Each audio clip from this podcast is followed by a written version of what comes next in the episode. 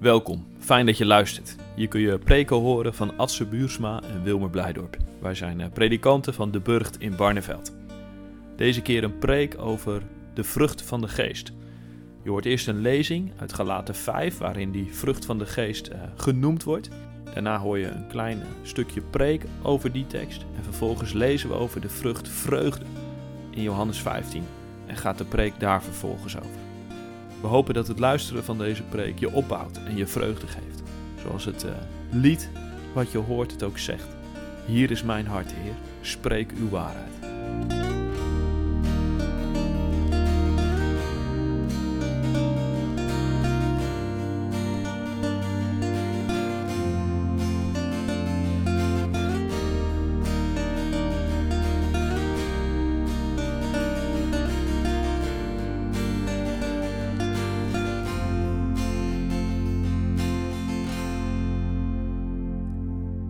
Broeders en zusters, u bent geroepen om vrij te zijn. Misbruik die vrijheid niet om uw aardse begeerte vrij spel te geven, maar dien elkaar in liefde. Want de hele wet is vervuld in één uitspraak: heb uw naaste lief als uzelf. Maar wanneer u elkaar aanvliegt en verscheurt, pas dan maar op dat u niet door elkaar wordt verslonden. Ik zeg u dus, laat u leiden door de geest. Dan zult u niet toegeven aan aardse begeerten. De aardse begeerte gaat in tegen de geest. En wat de geest verlangt, gaat in tegen de aardse begeerte. Het een is in strijd met het ander en u kunt dus niet doen wat u maar wilt. Maar wanneer u door de geest geleid wordt, bent u niet onderworpen aan de wet. De praktijken waartoe de aardse begeerte aanzet zijn bekend. Ontucht, zedeloosheid en losbandigheid, afgoderij en toverij, vijandschap, tweespalt, jaloezie en woede, gekonkel, geruzie en rivaliteit, afgunst, bras- en slempartijen en nog meer van dat soort dingen. Ik herhaal de waarschuwing die ik u al eerder gaf.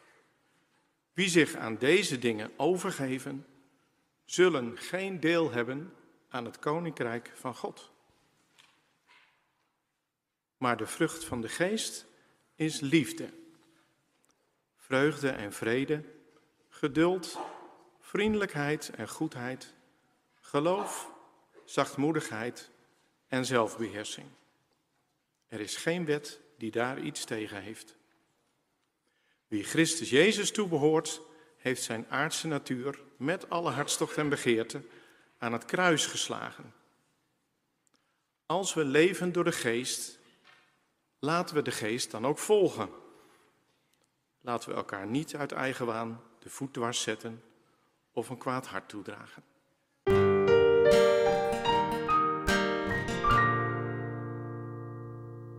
Als er iets uh, verboden wordt, dan haak ik af. Een tijdje terug las ik een eh, interview met een vrouw en het ging over geloof en betrokkenheid bij de kerk. En deze vrouw was uh, nou, niet echt gelovig, zo omschreef ze zichzelf niet, maar ze ging wel geregeld naar de kerk toe. En in het gesprek daarover zei ze dit zinnetje. Wanneer het in de kerk gaat over verboden, ja, dan haak ik af. Is dat voor jou ook zo? Dat je niet zoveel hebt met de regels van het geloof of van de kerk. Heel wat mensen in Nederland zullen dat gevoel ook wel hebben bij geloof en bij God en bij de kerk. Daar gelden bepaalde regels, daar zijn normen waar je in principe aan moet voldoen. En veel christenen zullen tegen dat beeld in opstand komen. Want het goede nieuws van Jezus gaat toch over bevrijding, niet over regels we zijn niet meer onder de wet, wordt er dan in kerkjargon bijgezegd. Op het moment dat Paulus zijn brief aan de Galaten schrijft, heb je ook dat soort discussies en gesprekken in de kerk. Aan de ene kant zijn er mensen die zeggen, je moet je als christen nog aan allerlei regels houden, Joodse regels. En aan de andere kant zijn er christenen die zeggen, nee joh, je bent vrij. Je kunt doen wat je wilt. En Paulus? Paulus is het met allebei niet eens. Tegen degene die zeggen je moet je nog aan allerlei regels houden, zegt hij zeker niet. Je bent geroepen om vrij te zijn. Jezus heeft jou bevrijd van het idee dat je jezelf moet redden door je goede gedrag. Dat hoeft niet. Jezus bevrijdt je, Jezus redt je. Jouw goede gedrag redt jou niet. En jouw slechte gedrag veroordeelt jou niet langer. Dankzij Jezus. dus Paulus moet niks hebben van regeltjes geloof. Maar hij moet ook niks hebben van een overdreven nadruk op vrijheid.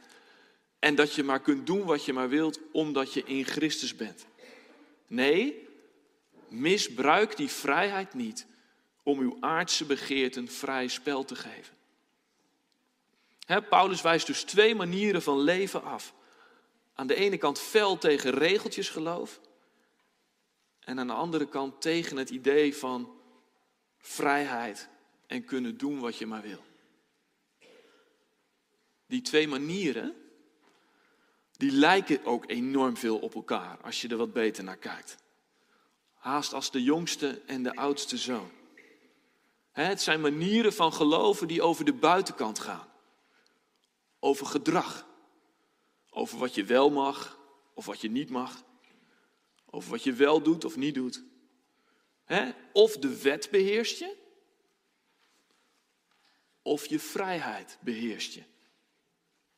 En beide brengen ze ellende. Terwijl ze ook nog eens binnen de kerk met elkaar overhoop liggen. Ook vandaag gebeurt dat zomaar nog in de kerk. Waar de een roept, ik ben vrij in Jezus om dit te doen of dat te doen. Roept de ander terug, nee, je hebt je nog aan deze regels te houden. Nou, tussen die twee manieren van leven komt Paulus met een derde weg. Laat u leiden door de geest.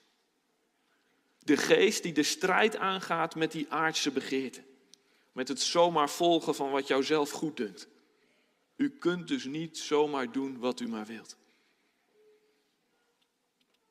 En tegelijkertijd, die geest bindt ook de strijd aan met dat regeltjesgeloof. Wanneer u door de geest geleid wordt, bent u niet onderworpen aan de wet.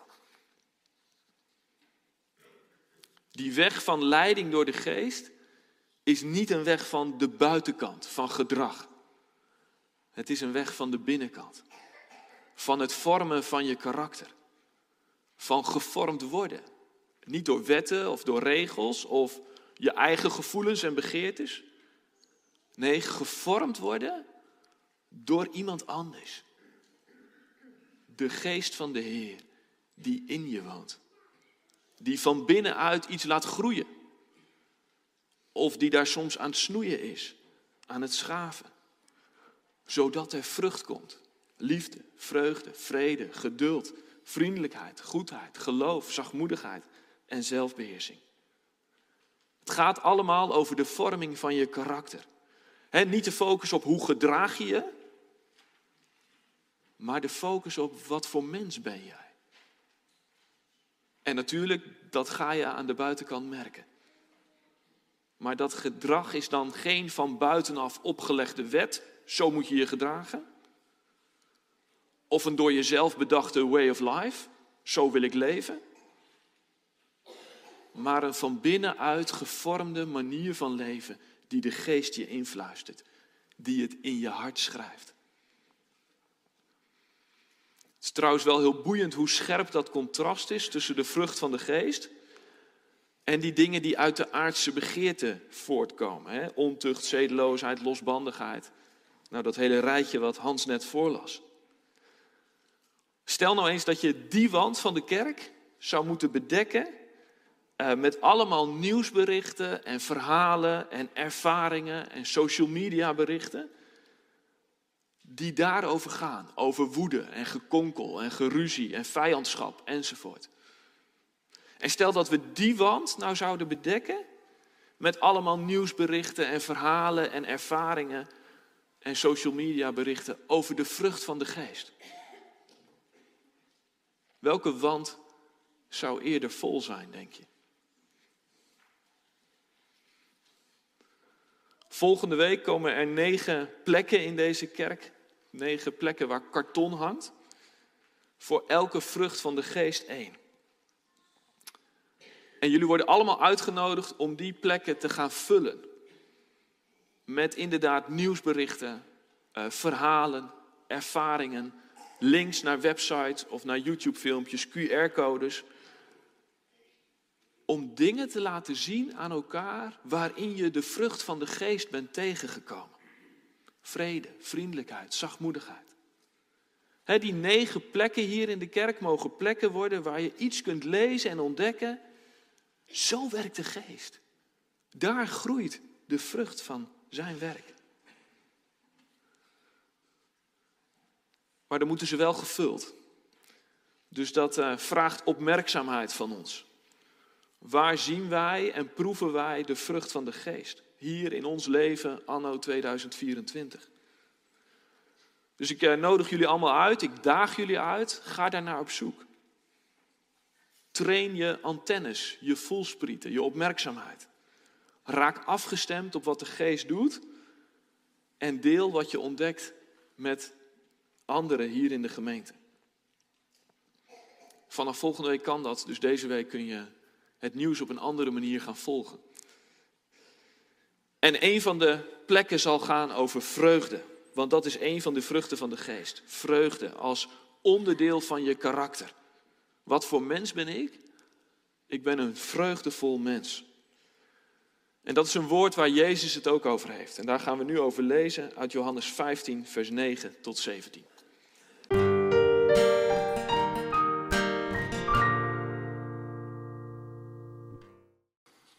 Ik heb jullie lief gehad, zoals de Vader mij heeft lief gehad. Blijf in mijn liefde. Je blijft in mijn liefde als je je aan mijn geboden houdt. Zoals ik me ook aan de geboden van mijn Vader gehouden heb en in zijn liefde blijf. Dit zeg ik tegen jullie om je mijn vreugde te geven. Dan zal je vreugde volkomen zijn. Mijn gebod is dat jullie elkaar lief hebben, zoals ik jullie heb lief gehad. Er is geen grotere liefde dan je leven te geven voor je vrienden. Jullie zijn mijn vrienden wanneer je doet wat ik zeg. Ik noem jullie geen slaven meer, want een slaaf weet niet wat zijn meester doet. Vrienden noem ik jullie, omdat ik alles wat ik van de Vader heb gehoord aan jullie bekendgemaakt heb. Jullie hebben niet mij uitgekozen, maar ik jullie. En ik heb jullie opgedragen om op weg te gaan en vrucht te dragen. Blijvende vrucht. Dan zal de Vader je alles geven wat je Hem vraagt in mijn naam. Dit draag ik jullie op. Heb elkaar lief.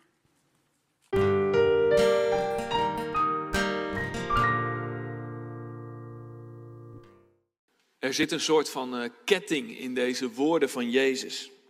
Uh, de Vader heeft mij lief gehad en ik heb jullie, de leerlingen, op dezelfde manier lief.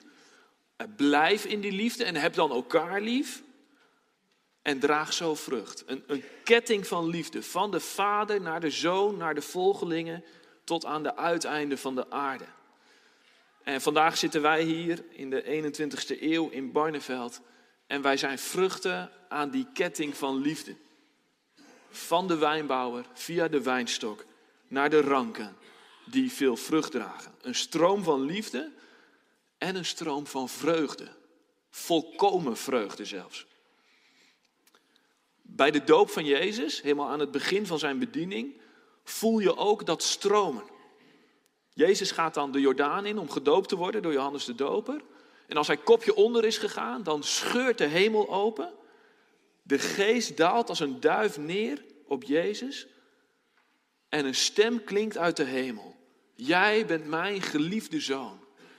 In jou vind ik vreugde. Een stroom van vreugde vanuit het hart van de Vader, dat opspringt van vreugde als hij zijn zoon ziet. Zuivere, heilige, eeuwige, liefdevolle vreugde in God zelf, de drie enige. Hij is de bron van alle vreugde in hemel en op aarde. En tieners, als je iets meeneemt uit deze preek, laat het dan dit zijn. God is een God van vreugde, van blijdschap. Volkomen vreugde. Ook in de moeilijkste momenten. God is vol van vreugde. En Jezus voelt die vreugde en liefde van zijn Vader. Het is het fundament van zijn bestaan. Vlak na die schitterende woorden die Jezus hoort bij zijn doop, wordt hij de woestijn ingestuurd. De eenzaamheid in. Waar hij honger lijdt. Waar hij wordt uitgedaagd en beproefd door de duivel. Maar Jezus staat daar krachtig. Gedragen door de vreugde en de liefde van zijn Vader. Dit is wie hij is. De geliefde zoon. In hem vindt de Vader vreugde. Wat een voorrecht is het, hè? Als je gedoopt mag zijn. Dat zulke woorden ooit tot jou gesproken zijn. Terwijl het water over je heen gutste. Jij, jij hoort bij mij. Ik noem je bij je naam. Ik heb je lief. In jou vind ik vreugde eeuwige liefde. Niet te stoppen vreugde van God voor jou. Je zult maar, net als Jezus, gedoopt zijn. Het is deze vreugde van de Vader die Jezus in zich meedraagt, die hij uitstraalt, die hij verkondigt, die hij doorgeeft in woorden en daden, in zijn omgaan met mensen. Die vreugde brengt hem ook aan het kruis en laat hem volharden. Denkend aan de vreugde die voor hem in het verschiet ligt, hangt hij daar. En juist als het daarover gaat, over kruis en sterven en lijden, en tegelijkertijd over vreugde, dan voel je wel aan, dit is geen oppervlakkige, gefakte blijheid, happy clappy. Geen verplichte glimlach of opgelegde vrolijkheid misschien ervaar jij wel in je leven dat je op sommige plekken, ja, dat daarvan je verwacht wordt dat het goed met je gaat en dat je een beetje blijheid uitstraalt. En misschien verwacht je dat wel van jezelf. Dat je niet het achterste van je tong laat zien. Dat pijn en verdriet en angst een beetje weggemoffeld worden. het moet wel een beetje gezellig en leuk blijven. Nou, dat is niet vreugde van de geest. De vreugde van de geest is echt en diep. Die is er ook aan het kruis. En dat betekent ook dat het tegenovergestelde van die vreugde van de geest is niet dat je verdrietig bent of dat je zorgen hebt. Nee, deze goddelijke vreugde kan samengaan met groot verdriet en enorm verlies. Sterker nog, dat gebeurt zelfs opvallend vaak. Het tegenovergestelde van de vreugde van de geest is onverschilligheid. Afgestompt zijn. Iemand noemde dat praktisch atheïsme met je mond beleiden dat de drie enige God vol van vreugde je vader is en je verlosser en je vernieuwer, maar toch zelf gekenmerkt worden door bozigheid, wrok, geschaggerijn en onverschilligheid. Dat je in de praktijk van het leven leeft alsof de God van vreugde er niet is. Praktisch atheïsme. Omdat je over het hoofd ziet wie God is de God van vreugde. En zijn vreugde, die mag doorstromen in jouw leven. Ja, wij mensen mogen deel zijn van die ketting van liefde en vreugde, dankzij de geest van God. Dit zeg ik tegen jullie om je mijn vreugde te geven. Dan zal je vreugde volkomen zijn. Jezus wil zijn vreugde geven. De geest wil vreugde in jou laten groeien. Alleen dat al, hè? hoe genadig en liefdevol is dat? Wij mensen mogen deelnemen aan, onderdeel worden van de vreugde van de drie enige, de eeuwige God van hemel en aarde. Alleen dat al en je daarover verwonderen zou genoeg kunnen zijn om een leven lang blij te zijn. Maar hoe kan die vreugde groeien? Hoe kan je die vrucht zoeken in je leven van elke dag? Jezus geeft in Johannes 15 drie aanwijzingen. En die drie aanwijzingen zijn helemaal met elkaar verbonden. Allereerst zegt hij: Blijf in mijn liefde. In zijn liefde behoud je en vind je vreugde. Door je te blijven verheugen in wie hij is. De redder, de leeuw, maar ook het lam. Koning, genezer, vriend. Je herder, je leraar. Je verlosser, de zoon van God die heel de schepping draagt. Hij heeft lief met een hardnekkige, vasthoudende liefde. Hij heeft jou lief. Laat die Heer je vreugde blijven. Zoek Hem op. Verdiep je in Hem. Praat met Hem. Lees over Hem. Spreek met Hem. Zing voor Hem. Wees gefocust op wie Jezus is. Breng tijd met Hem door. Dan boor je een bron van vreugde aan. Blijf in Zijn liefde. Blijf in Zijn nabijheid. Want daar ligt vreugde. Ook als het leven loodzwaar is. Als je allerlei beproevingen hebt te dragen. Als je ziek wordt. Als de dood dichtbij komt. Als lijden op je pad komt, in wat voor vorm dan ook. Als zorgen je overmannen. Als je niet meer weet hoe het verder moet. Blijf dan juist Jezus liefde zoeken. Val terug op wie Hij is, van eeuwigheid tot eeuwigheid.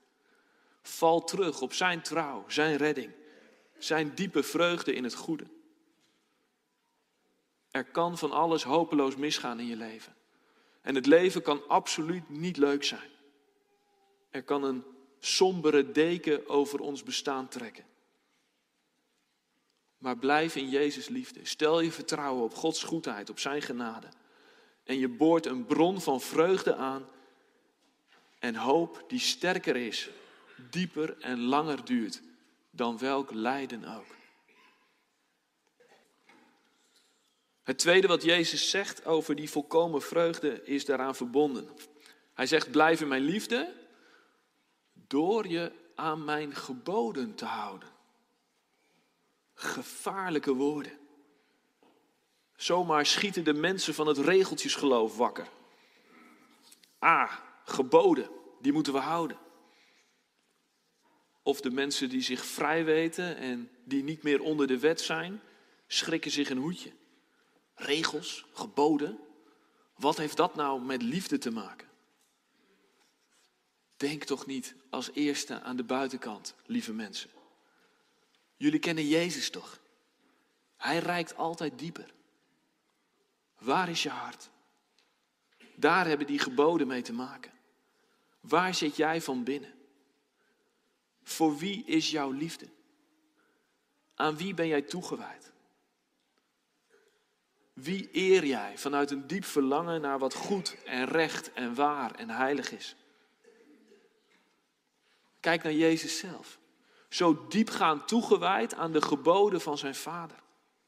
En niet omdat zijn vader een autoritaire, vervelende, veel eisende man was. Nee, omdat zijn vader hem lief heeft. Jij bent mijn geliefde zoon. In jou vind ik vreugde. Die vader, die heb ik lief door zijn wil te doen. Ik hou me aan zijn geboden. Heel mijn hart gaat daar naar uit. Ik verlang ernaar om te doen wat goed is, wat waar is, wat recht is, wat heilig is, wat bij God past. Echt trouw zijn aan de geboden van Jezus. Gehoorzaamheid gaat over je binnenkant. God laat meerdere keren merken dat hij niks heeft met buitenkant gehoorzaamheid. Hij klaagt zijn volk meerdere keren aan. Dit volk dient mij met de lippen, met de buitenkant,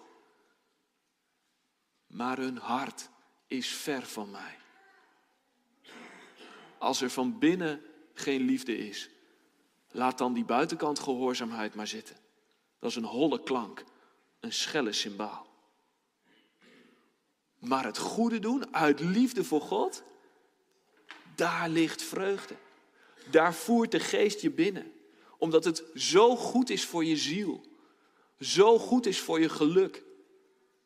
Om het goede te doen. En ja, omgekeerd is dus ook het geval. Een van de belangrijkste blokkades voor vreugde in jou en mijn leven is zonde. Leven in leugens, in hatelijkheid, in lust, in hebzucht, in trotse hoogmoed, in egoïsme. En noem alle zondige krachten maar op. Al dat soort krachten zuigen je leeg. Je binnenste verschrompelt ervan. Wordt er dor en doods van. De vreugde wordt eruit weggezogen. Je ziel wordt leeggeknepen en afgebonden. Vreugde stroomt weg als zonde jouw hart in de greep heeft. Niks is zo fataal voor vreugde als leven in zonde. Dat breekt niet alleen je lichaam en je geest, maar dat breekt je ziel. Blijf dus in mijn liefde, door je van harte aan de geboden van Jezus te houden, want daar ligt vreugde, volkomen vreugde. En dit is de kern van mijn gebod, voegt Jezus eraan toe. En dat is het derde. Heb elkaar lief, zoals ik jullie heb lief gehad.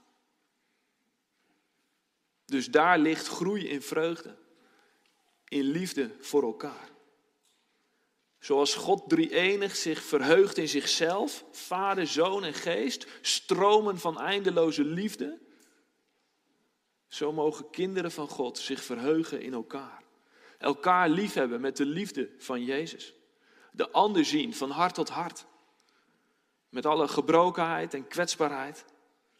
Met alle eerlijkheid en schoonheid die er in mensen is. Naar de ander kijken met ogen van Jezus en zijn Vader. Als dat gebeurt, dan laat de geest stromen van vreugde in beweging komen. Hij gebiedt daar zijn zegen. En wij weten allemaal, dit is niet simpel. Galaten 5 gaat over mensen in de gemeente van Christus die met elkaar overhoop liggen. Vers 15 die elkaar aanvliegen en verscheuren. Die het risico lopen elkaar te verslinden, staat er zelfs. Die zomaar te maken hebben met vijandschap, tweespalt, jaloezie, woede, gekonkel, geruzie, rivaliteit. Allemaal dingen die uit ons opkomen en die te maken hebben met onze relaties met elkaar. Die elkaar uit eigen waan de voet dwars zetten of een kwaad hart toedragen. Dat zijn allemaal dingen die zo makkelijk gebeuren tussen mensen, tussen zondige mensen. En wij lopen dat risico vandaag volop in een uh, samenleving waar ieder voor zich leeft. En waar het volstrekt normaal is om te polariseren. Waar we met z'n allen van achter onze schermpjes van alles vinden en anderen beoordelen. We lopen dat risico in de samenleving, we lopen dat risico in de kerk. Als we discussies hoog op laten lopen. Als we in het vuur van de strijd om het goede te doen de ander niet meer horen of beginnen te kleineren of te verachten. Pas op dat u niet door elkaar wordt verslonden, zegt Paulus. Dit is mijn gebod, zegt Jezus. Heb elkaar lief. En dat zeg ik jullie om je mijn vreugde te geven. Volkomen vreugde. Heb elkaar lief. Zoek de vreugde van Jezus in die ander. Vertel me, Wat heb jij gezien van God in jouw leven? Vertel me, waar ben jij Hem dankbaar voor? Vertel me over jouw passie, jouw hartstocht voor het evangelie van Jezus.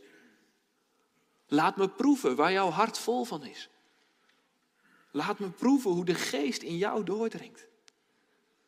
En laten we daar dan samen blij van worden aan de tafel van de Heer.